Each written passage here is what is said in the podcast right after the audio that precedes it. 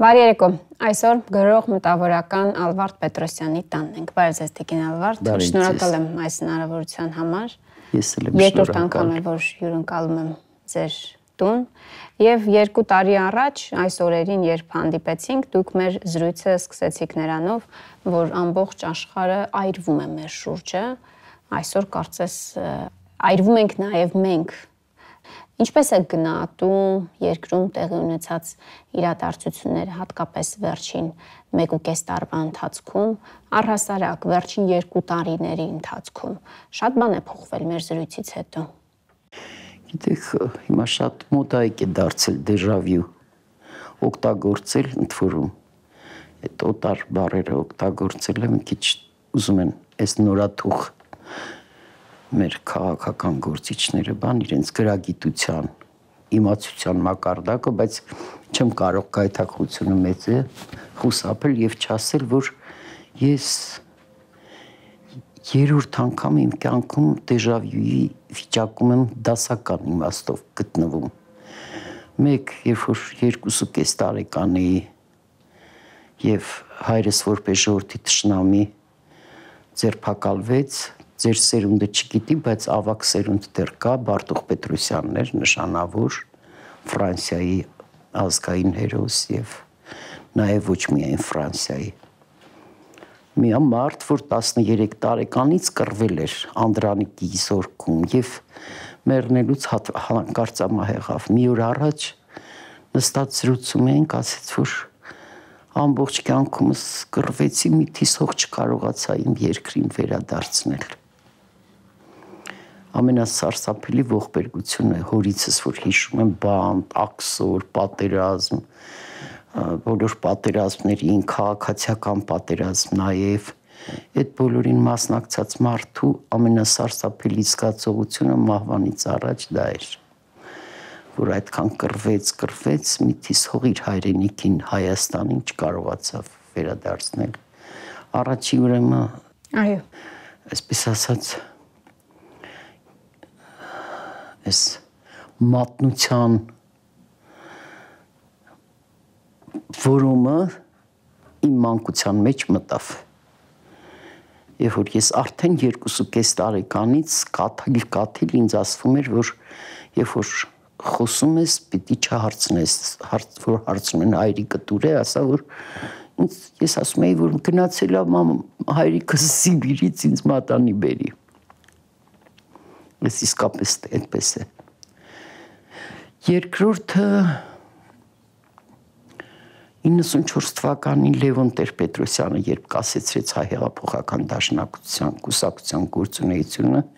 իսկ ես առաջի դաշնակցականներից եմ, նույնիսկ մի 15 հոգուս ասում են առանց դիմումի, այսինքն գրական կապ էր նախ Պողոս Սնապյանը ինձ տեսավ գրողների միությունում, ասից, ախր ես մեր լակուտն է, որտեղ 17 տարեկանից բագինում իմ պատմվածքները տպել են։ Բնական ընտրություն էր, հասկանում եք։ Երբ կասեցվեց այդ կուսակցությունը, որին մենք սպասում էինք, այդ ժամանակ բայց ես հոդված գրեցի, ինչքան որ մեր թերթերը կանի որ փակված էին, ազգորաթերթում տպվեց այդ 37-97 հոբելյանական 60-ամյակներ, չէ, ու այնտեղ գրեցի, որ սարսափելիից ծիծաղել են եւս մի քայլ է։ Էլի կար այդ մատնությունը, էլի կային Անդրանիկ Քոչարյաններ եւ այլն։ Հիմա ավելացել են հիմա ավելացել են, բայց այն ժամանակ կային նաև կար Վազգեն Սարգսյան։ Այլ ընտրանք կար, այսինքն ես կարող էի վազել Վազգենին ասել այսպես բաճկոնից բռնել ասել ես ինչ եք անում, բա մենք սրան ենք սպասում։ Եվ բարձվեց ճիշտ տեղ էի գտել, ճիշտ բաճկոն էի գտել։ Բայց կարող էի նաև Վանոյին էլ զանգել, ինչ որ բան ասել։ Հիմա չկա Հիմա համատարած սև ու սպիտակի է բաժանված, իմ կարծիքով սպիտակը մենք ենք, Ոչ Մենք ովքեր, Տիկին Ալվարդ, մենք ովքեր։ Ես եւ իմ տեսակը, որոնք դու հեչ սևի նման չես։ Որոնք մատնություն երբեք չեն անի, երբեք չեն այն ինչ որ ինձ հայրս է սովորեցրել, այն ինչ որ բարձրաձայն չես կարող անել կամ ասել, ցածրաձայն մի ասա։ Միթե այդպես չի։ Դուք հիմա երրորդ եք, իմիջիայլոց փաստորեն ապրում։ ասեմ ձեն ձեր հաղորդա շարի նայում եմ բազմաթիվ փայլուն երիտասարդներ քաղաքական վերլուծաբաններ ոչ միայն փայլուն են, որովհետև իմ տեսակետին համահունչ է իրենց ասացները, իրենց մերժելիք աշխարը, այլ որովհետև պարզապես խելացի են։ Ես ուրախ եմ, որ երկրում հսկայական դեռ պոտենցիալ կա եւ Արման Բաբաջանյան, Բաբաջանյանն է ազգանունը։ Այո։ Արման Բաբաջանյանով եւ Նիկոլ Փաշինյանով չի վերջանում այս երկիրը։ Նիկոլ Փաշինյանը, քանի որ անբաժանելի է իր տիկնոջից, ասեմ, որ տիկինը ըստ պաշտոնի առաջի տիկին չեն լինում։ Ծնվում են առաջի տիկին եւ ես իմ առաջի տիկիններին եմ հիշում իմ սերնդի փայլուն մտավորական, որոնք միջև վերջ վարվեցին այս հայրենիքի համար։ Հիմա ապրում են, շնչում են, բայց ես գիտեմ, որ իրենց կյանքը սկսվեց եւ ավարտվեց դրանով։ Սիլվա Կապուտիկյանով վերջացրած։ Ինչ եղավ չէ, այսպես- այդուհանդերձ 1.5 տարի առաջ 2018-ի Գիտեք գարնանը ինչ տեղի ունեցավ ներկայացվում է որ այ բռնապետությունից ժողովրդավարության բացակայությունից մենք խեղդվում ենք եւ այ վերածնունդ ապրեցինք ասում են Գիտեք ինչ, ես բազմաթիվ անգամներ առիթ եմ ունեցել եւ դժբախտաբար առիթ եմ ունեցել։ Նաեւ բարեբախտաբար 88 թվականի ազգային սարթունքի այդ պահը, երբ որ ուզում էի որպես գրող նկարագրել, ու հետաքրքիր բաներ դիտարկում էի անում, այնտեղ բոլորը աստղեր ու բաներ չէին, մտավորականներ, թևիկներով հրեշտակներ, բայց մի բանաստեղծություն էր ժողովուրդը դարձել դուք շատ երիտասարդ եք, չգիտեմ ինչ եք հիշում, բայց ես հիշում եմ, թե այդ հաց մամիկները, որ հաց էին բերում, սովորական հաց, մատնակաշ, որ հարմար էր, նշխարքի պես այսպես այդ հացիկները բաժանում էինք մնայուն միշտ միտինգում գտնվողներս։ Եվ այդ մերոնվելը ժողովրդի ես ինձ հնարավորություն տվեց մի քանի անգամ գրելու որ նայած ով է բանասողը ժողովրդին 5 րոպեի մետ բանասողը եթե փոխվեց այդ բան ասողը կդառնա ամբող որովհետև գիտեք հետաքրքիր է ժողովուրդը ազգ է դառնում թե ամբող շատ կարևոր միշտ փոքրամասնությունն է տանում առաջ փոքրամասնությունը եթե խելացի է իր ասելիքները ժողովրդից վերցնում է զտում է այ ոսկին ոնց են զտում եւ վերադարձնում է ժողովրդին միշտ ներշնչելով որ իր ներշնչանքի աղբյուրը հենց ժողովուրդն է այս Նիկոլը մի հետաքրքիր բան էր յուրացրել բայց շատ սխալ ձևով օգտագործեց այն որ ասից յուրաքանչյուրը չէ ձեզնից վարչապետ է Այո։ շատ նյութական զզվելի նախադասություն ըստ ասված հա աշխատեց Չեմ հոգեբանորեն կարծում, շատ կարճ կյանք ունեցավ։ Մեկ էլ մեկ էլ որ ասում է հպարտ ժողովուրդ։ քաղաքացիներ այո Այնքան ծանր է այդ հպարտ բառը օգտագործելը։ Եվ որ այդ հպարտ բառը լսեցի, հիշեցի Վազգենին Սարգսյան, լուսահոգին փոքրիկ աղբերիկին, որ մի օր ասեց, որ ես տվեցի ամեն ինչ ձերկ բերեցի հպարտություն, ծանր,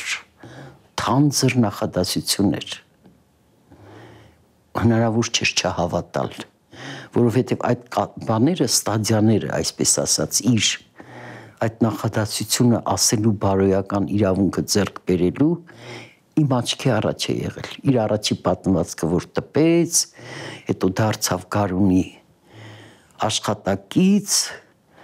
հետո 88 թվականի ես ազգային զարթոնքի իր երգը բոլորը միասին են եղել հետո մեկ էլ դառնալ այդ բոլորից հետո դառնալ սպարապետ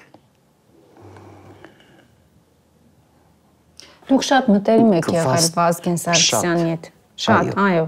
Այսօր մարդիկ են հայտնվել, ովքեր այնպիսի դրվագներ են պատմում իրենց ընկերության մասին, մտերմության մասին։ Շեխանյանը, Անդրանիկ Քոչարյանը։ Լավ էլի։ Շեխանյանը նամակ էր գրել։ Ես գիտեմ Վազգենի ընկերները ովքեր էին, երբեք այդ պաշտոնյաները իր ընկերները չէին կարող լինել մի ակնկերը Վանոն էր երևի այդտեղ եւ Հրանտը Մաթեվոսյան, որի նկատմամբ միշտ այդ ներկրծերի եւ ավակի այդ ակնածանքը պահեց եւ պիտի զարմացնեմ, որ ես կասեցված հայ հեղափոխական դաշնակցության անդամ Ալվարդ Պետրոսյանս եւ Վազգենը նույն այդ ակնածանքը ավակի եւ կրծերի ես առաջի իր վիպակը տպել եմ հացի փորձությունը եւ ամուսնուս այդ ֆիլմը կա Էդելվեսներ եւ ծնծաղիկներ եթե նայեք կտեսնեք Լորենցը իրեն վերցրեց ու գնաց Գարուն ամսագիր հիմա խեղաթյուրում են մի քիչ պատմությունը իրականությունը դա է եղել որ եկան Էլբրուսից եւ ինձ ասեց որ հատ ինձ տաղանդավոր արարածի տղա կա խնդրում եմ կարդաս պատմվածքները եւ իսկապես տաղան ինքը ոսկու ձուլակտոր էր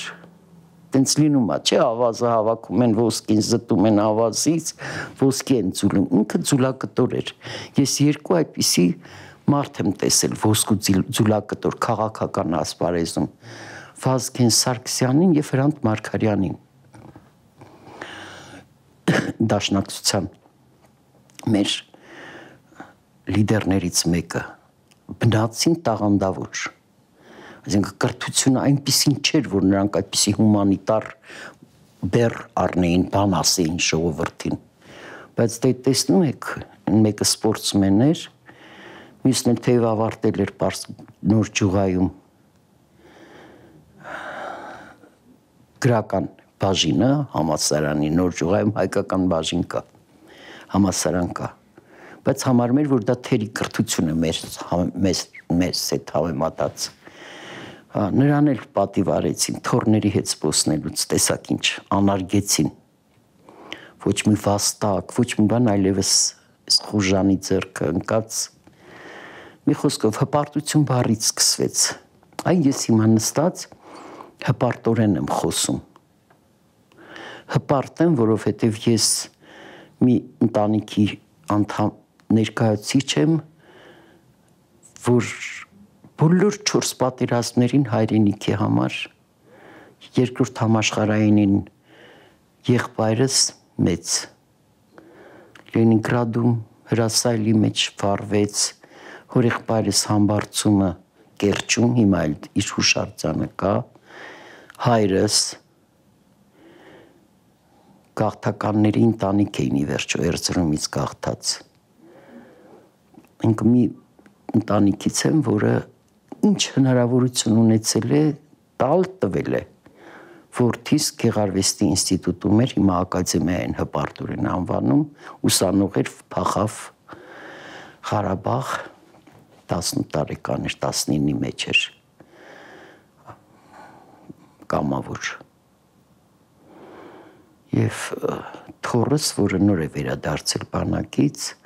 որը անմռունչ եւ հպարտորեն գնաց ծառայեց ընդ որում Սերժ Սարգսյանի նախագահության օրոք գնաց իմ բարեկամ Սերժ Սարգսյանի իմ շատ սիրելի բարեկամների Վիգեն Սարգսյանի նախարարության արկայության դեպքում իմ թորը գտավ որ ինքը է ծառայի Այսօր մոդայիկ չի այդ ձևակերպումները անել Տիկին Ալվարդ։ Ինչը։ Շատերը խուսափում են ասել, այո, իմ մտերիմ Սերժ Սարգսյանի, իմ թանկագին եւ հատկապես նրա կինը։ Նախշուն առաջի տիկին Ռիտա Սարգսյանը։ Ես այսօրվա մեր զրույցի մեջ չեմ ուզում իրենց մասին խոսել։ Բայց այդ մարդիկ հարյուրավոր թվում է թե մտերիմներով են շրջապատված եղել, բայց այս 1.5 տարիների ընթացքում հերացան, լքեցին նրանց։ Ինչ կատարվեց այդ մարդկանց հետ։ Ես այս 1.5 տարի է չեմ խոսում մի հատ վերջի հոդվածս որ գրեցի ոնց որ չար մարգարեություն լիներ կարծեմ առավոտում տպվեց սխալ ծմեր այս իրադարձություններից առաջ ես չգիտեմ էլ ինչի համար վերնագիր այդպես գնաց ինձ թվում էր որ ինչ որ երևի տարիքս է կամ այդ տագնապի զգացողությունը որ երկու տղաներ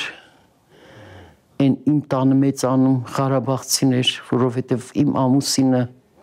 ազնվական Լորենց Արուշանյանը Մաքուր Զտարյուն Ղարաբաղցի է եւ նրա որդին միակ իմ կորուսյալ զավակս Եվս բնականաբար մենք հрьяներից տարբեր ենք, չէ՞, մաքուր Ղարաբաղցի է,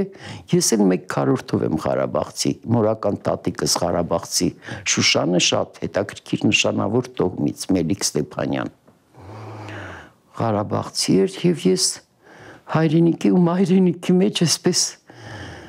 տապակվում էի, հասկանում եք, շատ դժվար բան էր։ Ես մեկ օր չեմ լքել իմ բարեկամներին չեմ բայց գրել, որովհետև իմ որ ասում են շորտի մեջ կոպիտ բան է կներեք, ասում թուկը բերանում ես չորացավ։ Ես այնքան սիրահարված էի մեր ժողովրդին։ Այդ 88-ի գեղեցկությունը, քարորիա պատերազմի 88-ին եւ 92-ից արդեն 94 որին իմ տղան եւ ամուսինս էլ փաստորեն մասնակցեցին սովորական էր դարձել արդեն, բա ինչ է անեին, տենց էլ է լիներ, է մասնակցեին։ Բայց ես քարորիա պատերազմին այս երիտասարդները, որ սենց դրախտի թրջունների պես են փյունիկի ավելի շուտ։ Թրջունի պես ելան գնացին Այս Քարորյան շատ ազդեցիկ է ինձ համար, շատ։ Այսինքն դրանից հետո ավելի գեղեցիկ բան քան քո սեփական ժողովուրդն է տվում է չես տեսել։ Եվ մեկ էլ հանկարծ սկսվում է Նիկոլի ժամանակը։ Ես իմ տատիկից եմ հիշում, որ պատմում էր շատ անուշ, ասում էր Նիկոլի ժամանակ ասում էր շատ խարակտերով թագուհի էր, Սիբիր հասավ, Սիբիր էլ ուղարկեցին։ Նիկոլի ժամանակ ասում էր, փորձեցին հայկական դպրոցները փակել։ Խիստ հավատացյալ էր, ասում էր, եկեղեցու ունեցվածքը ուզեցին գրավել։ Հիմա ես էլ իմ զուգահեռները շատ են հայոց լեզուն եւ գրականությունը հանում են եկեղեցին քարկոծվում է հերոսները վարկաբեկվում են Նիկոլի ժամանակ Աստված չանի այդքան ապրեմ, որտեվ հեչ հավես չունեմ ապրելու։ Հավեսս գնացել է, որպես տատիկ ուզում էի։ Բայց կասեի, կասեմ, կգրեմ գիրս մնա հիշատակող։ Ինչն է վատ Նիկոլի ժամանակ, չէ՞ որ մարդիկ ժողովուրդը բերեցին եւ իրեն կարգեցին, նշանակեցին։ Ուզում ես դիտողություն անել, ասել։ Միշտ ուզում էի ձեզ ասել, որտեվ շատ եմ սիրում ձեզ ու ձեր հաղորդումը որ ասում եք ժողովուրդը այսքան տոկոս ցայն տվեց, ժողովրդի 40%-ը մասնակցեց ընտրությունների։ 60%-ը չմասնակցեց։ Ես էլ եմ չէ ժողովուրդ։ Ինձ նման 60% ինձ նով գումարած չի մասնակցել, այսինքն 40%-ի չգիտեմ քանի տոկոսն է ցայն տվել։ Դա ժողովուրդը չէ ժողովուրդը իմաստուն, միշտ լուրը։ Ժողովուրդը ամբողջ չի, որ ամեն անգամ ասենց մեկը ձեր ձերքը չկացնի վազեն հրաապարակ։ Ուրեմն ամբողը հիմա այդ ամբողը նորից մաքրվում է։ Մաքրվում է։ Այո։ Այո։ Ես բազմաթիվ անգամներ ինքս անձամբ առիթ ունեցել եմ լսելու ինձ զանգահարում եւ ասում են ինձ դեռ սարմանալի է, բայց դեռ սիրողներ կան։ Ինչու՞ չպետք է սիրեին Տիկին Ալվարդ։ Դե գիտեք, ես այդ կարծիքի չեմ, որ պետք է ինձ սիրեն։ Ես դառ բաներ ասողներից եմ եղել նաև։ Սարմանալի է, գիտեք, բայց ես Նիկոլի մուտքը ազգային ժողով ողջունեցի, ողջունեցի, որ երիտասարդներ եկան ազգային ժողով եւ աղմկոտ երիտասարդներ։ Ես ուզում էի, որ մի քիչ ըմբոստ եւ նաեւ ուրախ էի, որովհետեւ դա Սերժ Սարգսյանի լայնախոհության մասին էր վկայում։ Նիկոլ Փաշինյանի մուտքը ազգային ժողով։ Այո, բայց հիմա ասում են ամեն ինչ կեղծվում էր, ամեն ինչ ջնջվում էր, ամեն ինչ ստոր էր, բայց պարզվեց չէ ամեն ինչ չէր։ Միջև վերջի օրն էլ ամեն ինչ չէր։ Հասկանում եք, ի վերջո փոքր պետություն ենք, բայց փոքր պետությունն էլ պետություն է իր ճնշող ճզմող պատշիչ բոլոր ուժերով։ Դուք մեր զրույցի ժամանակ նախորդ ասացիք, որ Խրուշչովյան բնակարանի չափ երկիր է այս պետություն եւ փնթի կնոր ձեռքին չպետք է հայտնվի այս պետությունը։ Հիմա փնթի եւ չար,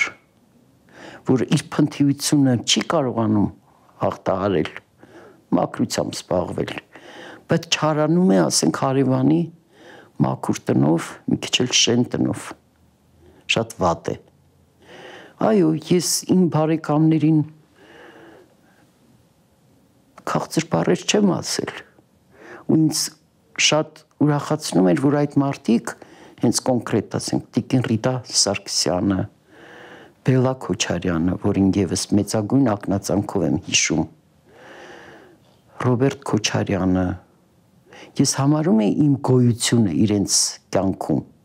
արդարացված միայն նրանով, որ ես ճշմարտություն էի ասում, թե չէ ես ինչ ոչ մեծահարուստ էի ինչ են ինձ հետ բարեկամություն անում ոչ էլ պատկերեսությամբ ես արժանապատիվ մարդ եմ ուզում էի բան անել իրենց միջավայրում լինել միջավայրում չեմ եղել մի երկու անգամ ես պալատական կյանքի սովոր չեմ։ Ես ազատ թրջուն եմ ինձ համարում։ Իդեպ ասեմ հպարտությամբ եմ ասում եւ քանի որ դա Ռիտա Սարգսյանի մասին է, ինքն է եկել մեր տուն։ Առաջի տիկին դառնալու ժամանակ 8 թվականին ծաղիկներով եկավ մեր տուն, սքանչելի ու ֆանտաստիկ ծաղիկներ նվիրել գիտի։ Դա էլ է կուլտուրա ու գեղեցկության վկայություն։ Շատ եմ խնդրում, եթե շատախոսեմ կրճատեք, այդ մի արեք, հա։ Առաջ կարող էի քանել, որտեվ առաջի տիկնոջ բանում էր։ Հիմա ուզում եմ, որ դա բարձրացայն հնչի։ Ուզում եմ նաև ասել, որ ոչ ոք չի մոռացել, թե ինքը ինչ գործեր է արել։ Իրենք մերժում են։ Նախկինում ոչինչ չի։ Բումերանգը գիտեք ինչ է։ Չեն վախենում դրանից տիկինային։ Ես որ միշտ սարսափել եմ, երբ որ ՀՀՇ-ի իշխանությունը վերջացավ, իսկ ես ամենա ծայրում գտնվող դաշնակցականը չէի, բա գումարած նաև հայօգնության միության ղեկավարներից մեկն է, իսկ հայօգնության միությունը աշխարհի մեծագույն կանանց կազմակերպություններից մեկն է։ Ես եւ Սփյուռքում եւ Հայաստանում մենակ զբաղված էի ասելով, որ հանկարծ վրեժխնդրություն չլինի։ Հանկարծ, որովհետև քաղաքացիական պատերազմը ներսում արյուն հեղելը արնապղծության նման բան է։ Իսկ արնապղծությունը մարդու ամենամեծ հանցագործությունն է։ Արնապղծություն, երբ որ դու հարազատի նկատմամբ պիղծ բաներ ես դրսևորում։ Հիմա չեմ կարող նման հանգստությամբ ասել։ Այնքան աններելի բաներ է ասվում 30 տարի երերացող դեռ նոր ոդկի կանգնած մեր անկախ երկրի բոլոր կարևորագույն ինստիտուտները, նաև սահմանադրական դատարանը։ Ես ծանոթ չեմ սահմանադրական դատարանի դատավոր նախագահի հետ, բայց չեմ հասկանում, ես ինչ վայրակ հետապնդում է։ Ոնց չեն վախենում։ Աստծուց չեմ վախենում։ Ես հասկացա, երբ որ սկսեցին մեր եկեղեցին եւ ամենայն հայոց կաթողիկոսին բղծել։ Ինձ համար դա անհավատալի, անընդունելի բան է։ Մենք մի քանի բաներ ենք, սյուներ ենք ունեցել մեր բանակ եկեղեցին, այո։ Այո։ Եվ Իմ բոլոր ընկերների Մուշեղ Գալշոյանի ռանչպարների կանչի հիշում եք ինչպես է սկսում այդ սկանչելի վեպը այ բեն Մուշեղ Գալշոյանի հրաշք գործը Լուիսի սիմվոլներ տարերը այբուբենը իմ բոլոր Չարենցի Թումանյանի բոլորի ոսկորները հիմա շրջվել են իրենց բաներում այս որոշումից մենք սովետի ամենա տեսաճքի առաջ Վրաստանը ու մենք պիտի ճշմարտություն այն է որ նախ Վրաստանը հետո մենք ուշքի եկանք ինչպես միշտ մի հատ ինչ որ տարօրինակ մեզ մոտ անիմաստ հանգստություն կա մենք արկելեցինք այդ ռուսերենի ռուսացման որտեվ լեզվով են նախ ազգը փոխում այդ process-ը դադարեցրեցինք, որոշում կայացվեց Մոսկվայում, որ պետք չի կպնել այս երկու ժողովուրդներին, իրանց սրբություններին։ Եկեղեցին ես չէի հավատում։ Ինձ թվում էր ինչ որ դարձվորիկներ են։ Այստեղ ռուսերեն իմացողներ էլ կան։ Օբրեցեն, չեն դարձվորիկ, որ ցերեկը մարդու տեսք ունեն, գիշերը դառնում են գայլ կամ չգիտեմ ինչ որ հրեշ դարձվորիկներ են հայտնվել օրը ցերեկով իմ երկրում այ ես համարում եմ նման բան արնապղծության դրսևորումներից մեկը եւ ես վերջինը այսինքն հայ ժողովրդի պատմություն լեզու գրականություն աչքիս առաջ հիշում եմ թե ինչ հեղափոխություններ մեզ համար Լևոն Ներսիսյանի դասերը ինչ հեղափոխություններ առաջին անգամ որ Հրանտ Թամրազյանը գրեց որ խմբապետ Շավարշը ողբերգական կերպար է ոչ թե բացասական որտեղ սոցռեալիզմի բաներով չէ մաուզերիստ խմբապետ էր, այլ որ դա ողբերգություն է եւ դրա հետևանքեր Սարոյան եղբայրներ սքանչելի ֆիլմը եթե դա չլիներ շարունակությունը Սարոյան եղբայրներ ֆիլմը չէր լինի եթե Հրանտ Թամրազյանը չգրեր որ խմբապետ Շավարշը Գևոր կաբովով էին դաստիարակվում դաշնակցական դաշնակ շներ այսինքն միշտ սխրան գործողներ կա ու հանկարծ այդ բոլորից հետո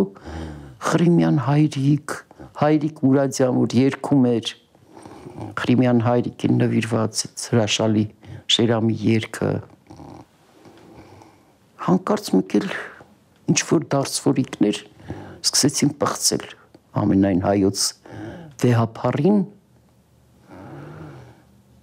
եւ եկեղեցին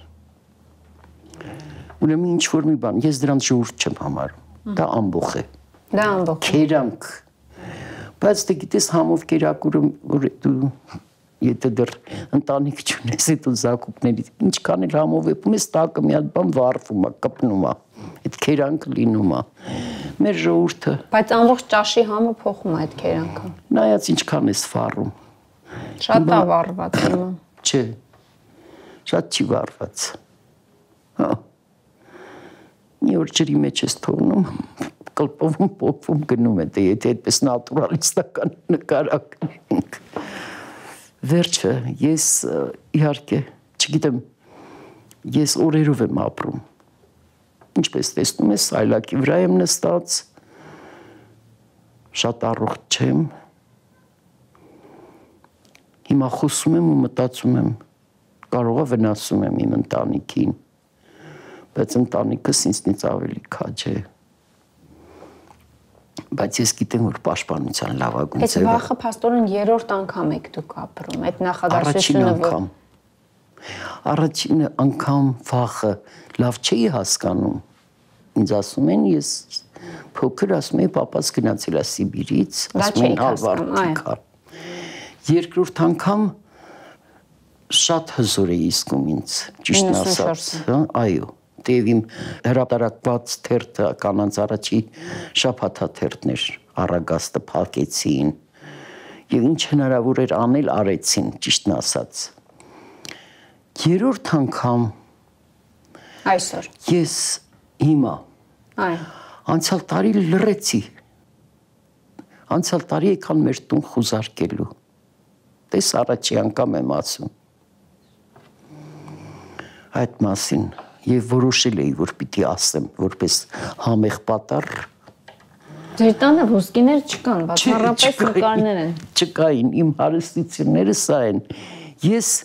գյուղի մեր տանն էի, Մայակովսկի նախկին Շահաբ գյուղում, մի հատ փուչուր տուն ունենք, դղյակ չի եւ ինչքան էլ ուզենան գործ սարքել վրաս ճիշտն ասած տանիքից սկսած չեն կարող ստուգեն բան գտնեն։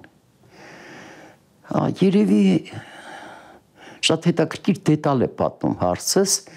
ոստիկանները ամաչել են ըստ երևույթին, որ տեսել են այս նկարները տղայի տղայիս, թորնիկիս, ընկերներիս, նաև ինչու՞ չէ, սերով ամաչել են, հասկացել են, որ այս այդ տունը չի, որտեղ պիտի բան փնտրեն, բայց այդ ընթերականներից մեկը կին ինչ որ ասլա, ստեղ նայեք, 1.5 կարծեմ միլիոն թուղթա գրված ոստիկանը շատ զզվանքով նայելա ու դրելա։ Պարզվեց իմ գրքի պայմանագիրն էր։ Սվերջի գրքից տխուր բան է։ Ինչ է Հետո հարցս չեմ անում։ Հարցս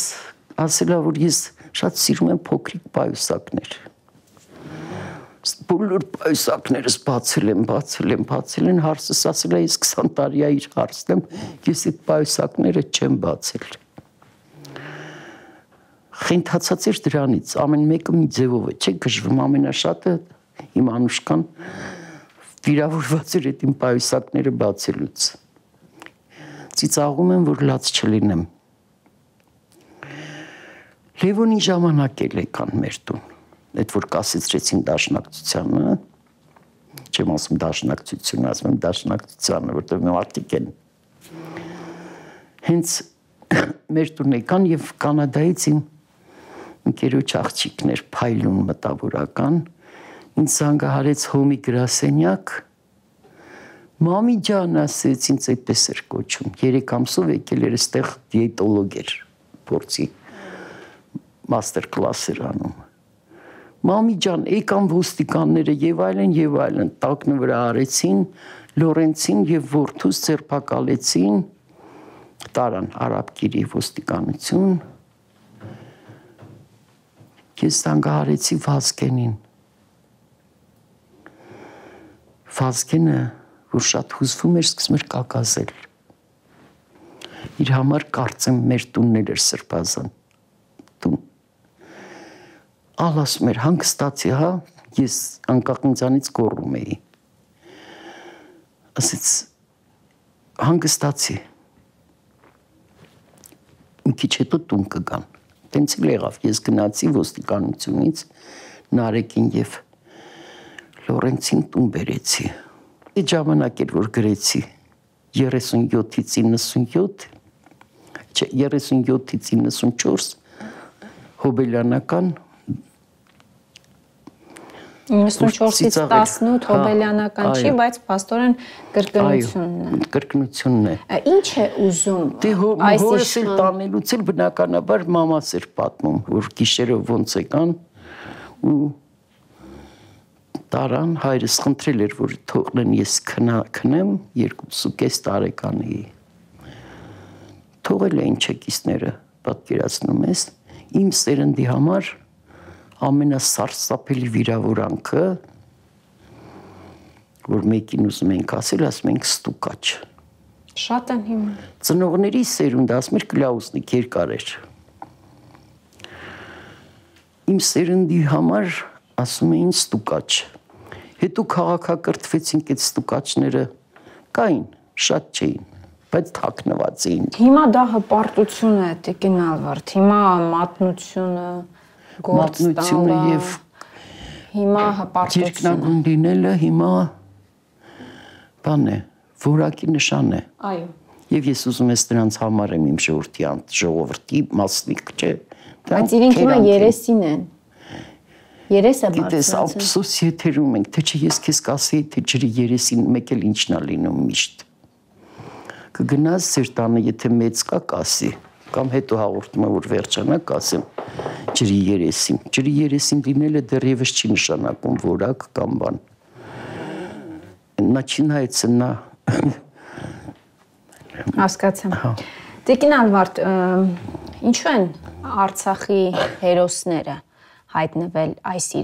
այս իշխանության թիրախում Արցախի ազատագրական այդ պայքարը կերտած մարդիկ Վազգեն Սարգսյանը չկա բայց տեսանք չէ ոնց ոչնչացրեցին հոկտեմբերի 27-ը։ Տեսանք Հիմա նոր մանրամասներ են հոկտեմբերի 27-ից, այսպես ասած նոր մանրամասներ։ Արման Բաբաջանյանը падգամավորը գնացել տեսակցել է Աբեկիչնայրի Հունանյանին։ Հիմա սլակները տանում են Վազգեն Մանուկյանի ուղությամբ պատմության վերաշարած Վազգեն Մանուկյանին էլ են հասնում։ Այո Հիմա այն որ գալիս են Ղարաբաղ են գնում եւ հայտնվում են օտարների մասին, հայտնվում են սև ցուցակում Բաքվի, չէ։ Հիմա բոլորս տենց մտածենք, որ մենք եւ նրանք էլ հայտնում են, հպարտ ենք, որ սև ցուցակում ենք։ Հիմա մենք էլ պիտի ուրեմն Ֆազկենն էլ Մանուկյան Գիտեք, հետաքրքիր բան է 88 թվին, երբ որ մանավանդ շատ էր Հայրիկյանը Պարույրի այդ մասին խոսում, որ ասեցին ԿԿԲ-ի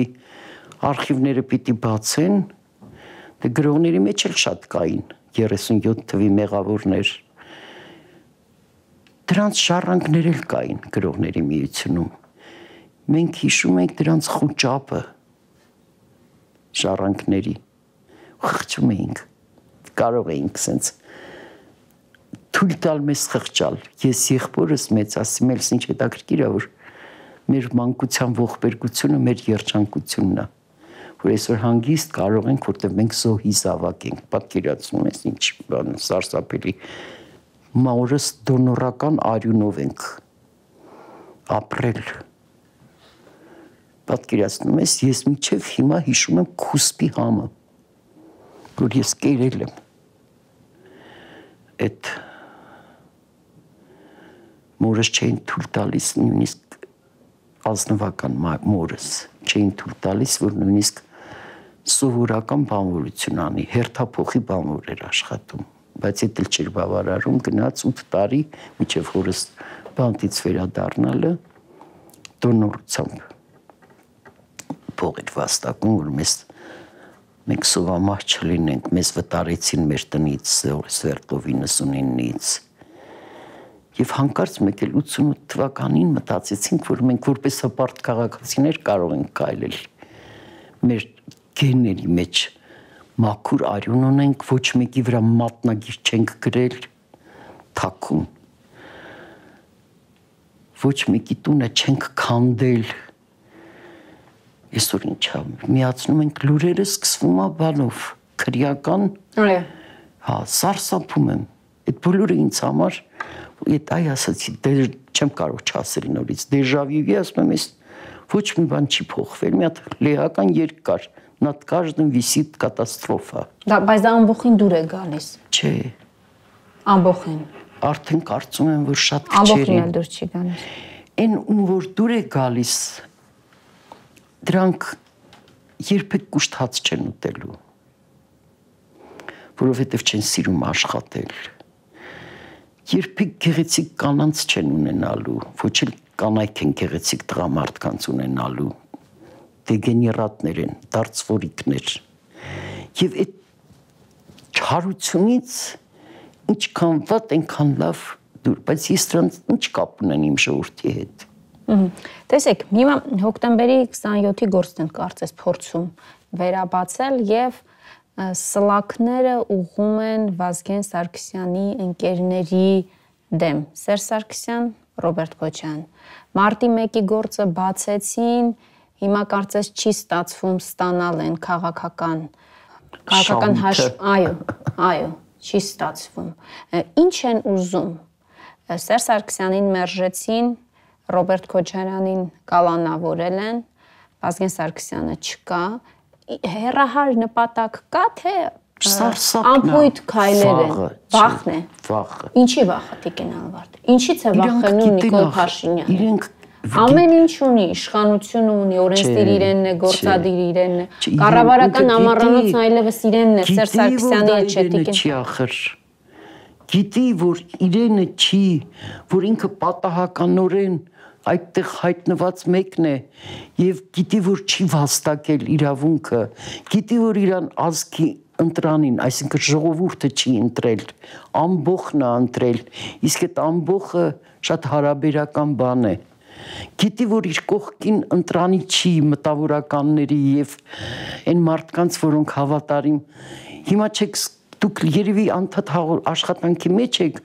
բայց հիմա շատ իր այսպես կոչված ասպետներ աշխատում են քիչ Երևալ ասպարեզում վախեցել են որովհետեւ գիտի որ պատասխան են տալու այս անգամ արդեն Լևոնի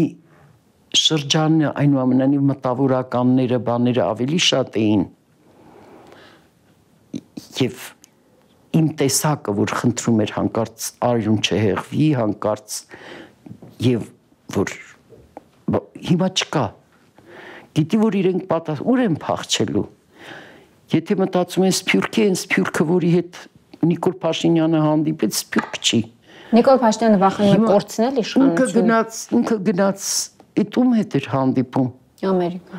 Գիտես մեծահոգաբար ես չեմ ուզում այդ գնացողներին, այստեղից փախչողներին վատ բառեր ասել, բայց իրենք սփյուռք չեն։ Իրենք Հայաստանը ձգած գնացած համբուրգերի հետևից հոտոտելով գնացած մարդիկ են։ Հենց որ ստեղ ավելի լավ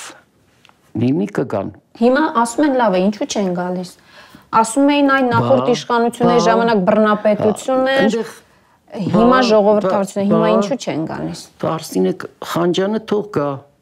Այո, Սերժ Տանկյանը։ Երկուսը, երկու Խոստացել էին, որ տուն են գնելու այստեղ, ապրելու են այստեղ։ Արսինե Խանջյան, Սերժ Տանկյան։ Ես չգիտեի, որ 1 միլիոն դոլար հոնորար է ստացել Սերժ Տանկյանը։ Ես կարծեցի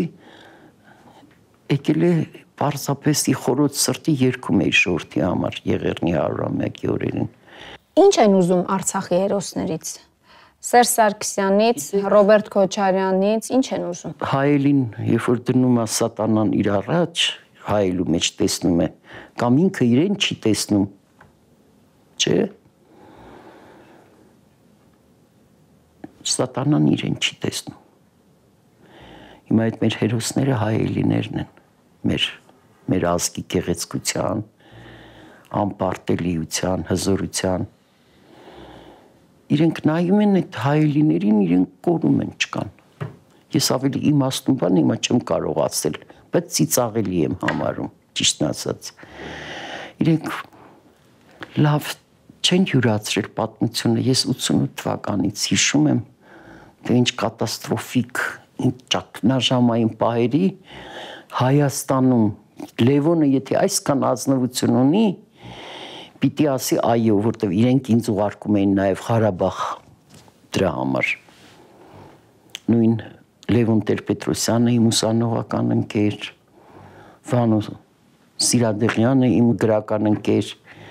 եւ իմ փոքրիկ աղբերիկը։ Վազգենը, որ այդ ժամանակ բան չէր, ղեկավարներից չէր։ Ես գնում էի Հենրիկ Պողոսյանի ցայնագրում էի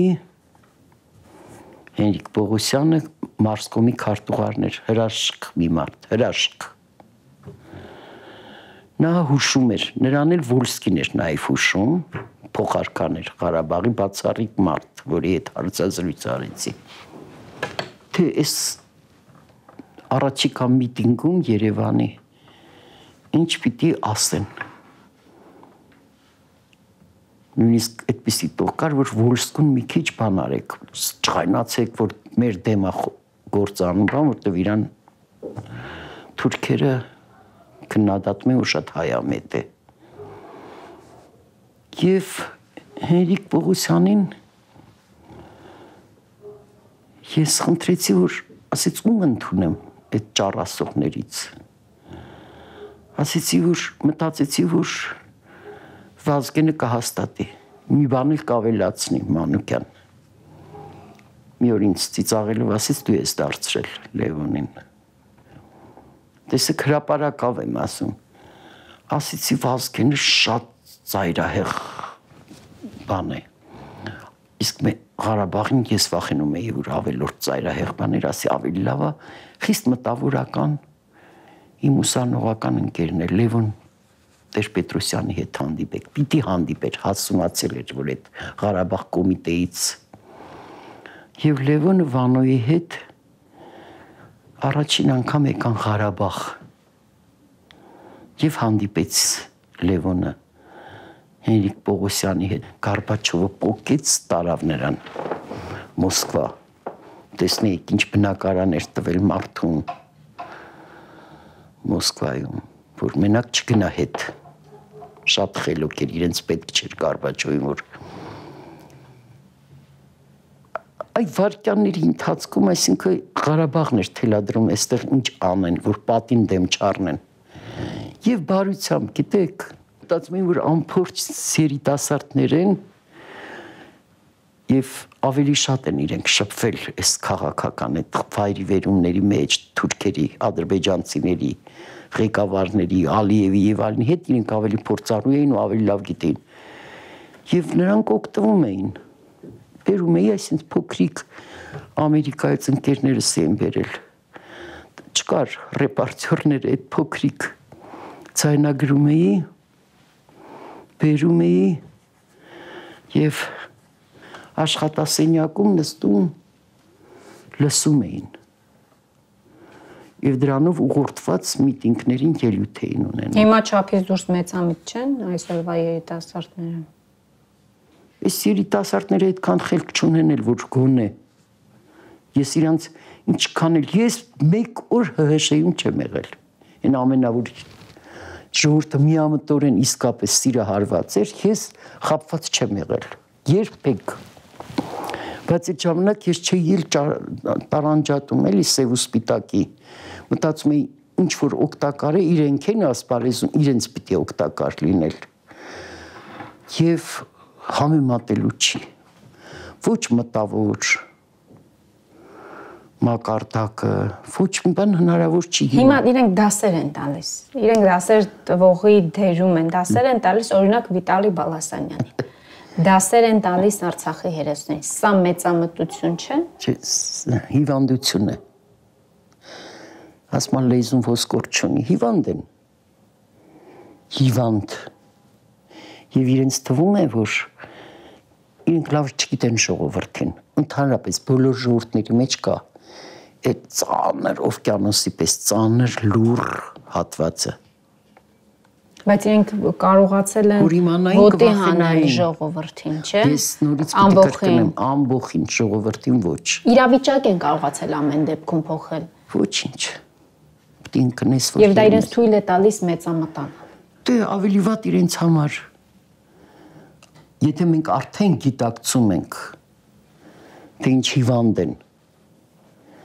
եւ չեն ընդունում ոչ մի դեղ, ոչ մի բան, այդ տարօրինակ աղանդ, աղանդներ կան, չէ՞ որ չեն ընդունում ոչ մի միջամտություն, բժշկի բան։ Հարսիս հայրը մեր սքանչելի գրողներից մեկն էր Մանուկ Մնացականյանը։ Լուրջ վաստակով բացառիկ այդ մարդը օր շատ լուրջ ասից եթե հանկարծ մենք Ղարաբաղը կորցնենք, ես ինքնասպանություն եմ գործելու։ Լուրջ սրճարանում մեր նշանավոր գրողների միությամբ խոսում, նստած սուրճ ենք խմում, լուրջ եւ ինքը այն մարդը չէր, որ հենց նենց բարեր էր։ Այդ սերունդը գնաց Հրաչյա Հովանիսյանի, Համուսայանի Հրաչյա Հովանիսյանը, որտեղ շատ նվիրված էր Ղարաբաղի խնդիրներին։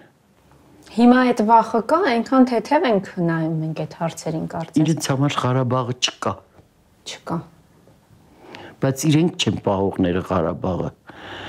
Ես ինձ համար պահողներին վարկաբեկում են, պահողներին մերժում են, պահողներին բանտարկում են։ Ինձ համար իմ աչքի լույսն են դրանք բոլորը Վիտալին։